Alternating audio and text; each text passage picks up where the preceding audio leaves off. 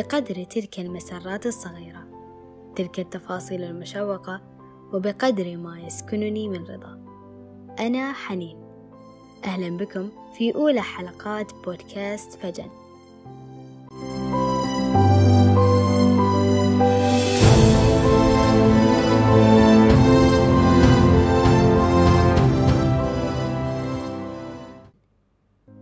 بين زحمة التخطيط وبين الكد والراحة. بين الضوء والعتمة وبين تناقضات الحياة. ترددات لا تعد ولا تحصى في قراري بهذا البودكاست. ولكن فجأة مر أمام بصيرتي كلمات خططتها قبل فترة بسيطة. كانت عبارة عن رد لسؤال. لو كان لديك كتاب ماذا سيكون عنوانه؟ خلال ضجر أغلب صديقاتي من السؤال إلا أنني كنت الأكثر انغماسا بالتفكير. ولوهلة وجدت الحروف انهمرت على قصاص تلك الورقة. عنوان الكتاب في محض النسيان ومختصرة أن ليست كل المواقف تعتبر ذكرى وليست جميعها جديرة بأن تبقى في الأذهان لتأكل أحشاءنا وتعدم وعينا وترمينا في هوة حالكة فبعضها يجب أن يبقى في محض النسيان. تساءلت بيني وبين نفسي لماذا تبقى كلمات على ورقة ولا بد أنها الآن منسية؟ إن كان هدفي أن تكن كلماتي كملجأ لمن تاه بين خدش ظروف الحياة ومن ما زال عالقا في صراع المخاوف فما المشكلة من تحقيقه وهو بهذا الحجم من البساطة؟ لحظة لحظة. نرجع شوي لورا.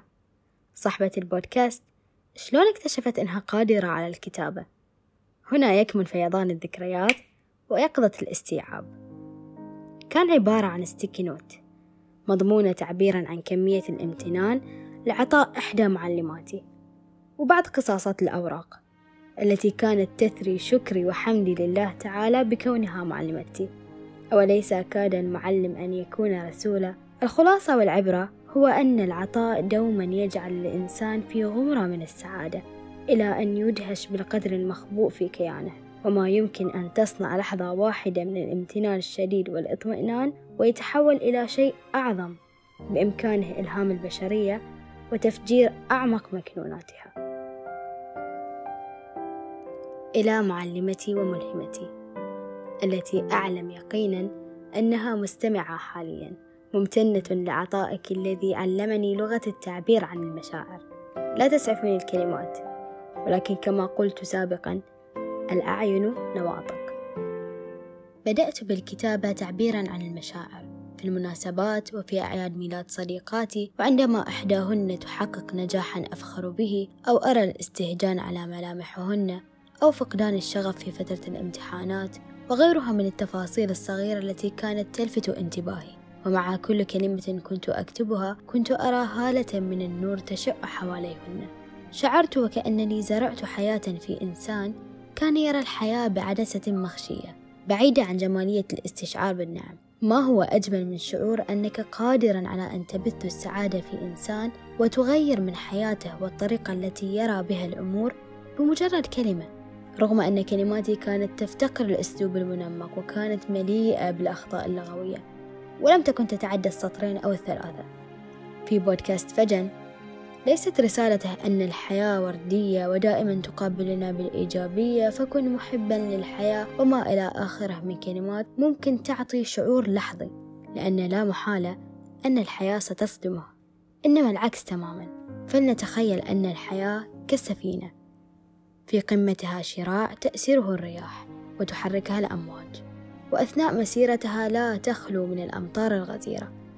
التي لا تزيد من الرحلة إلا أكثر صعوبة في الوصول ولكنها في النهاية تصل إلى وجهتها رغم هبوب الرياح الشديدة وتلاطم الأمواج وقطرات المطر الغزيرة.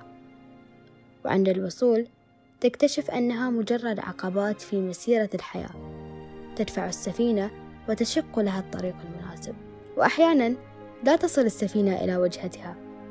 فكما تخبرنا سورة الكهف أن الله قد يشاء خرقا في سفينتك ليحفظها.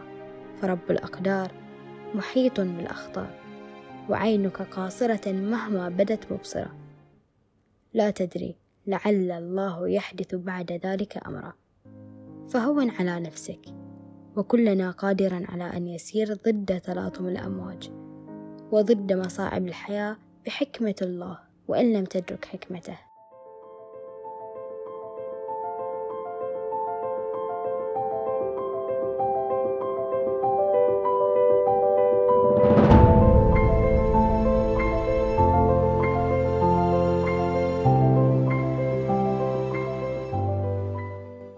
ذلك هو شعور العطاء المتسلسل إلى ذواتنا.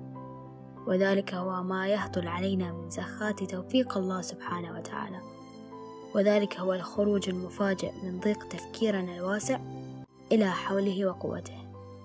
دوما وأبدا فكم لله من لطف خفي.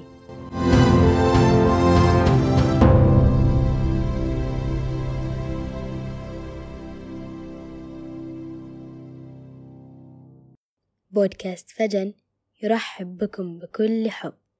وفي نهاية الحلقة الأولى أود أن أشكر من كانت سببا في نشر هذا البودكاست قائدة السعادة. كما أود أن أشكر الفنانة المبدعة التي رسمت لوجو هذا البودكاست. فبكن أنا أرتقي. وألقاكم في حلقات أخرى من سلسلة في محض النسيان.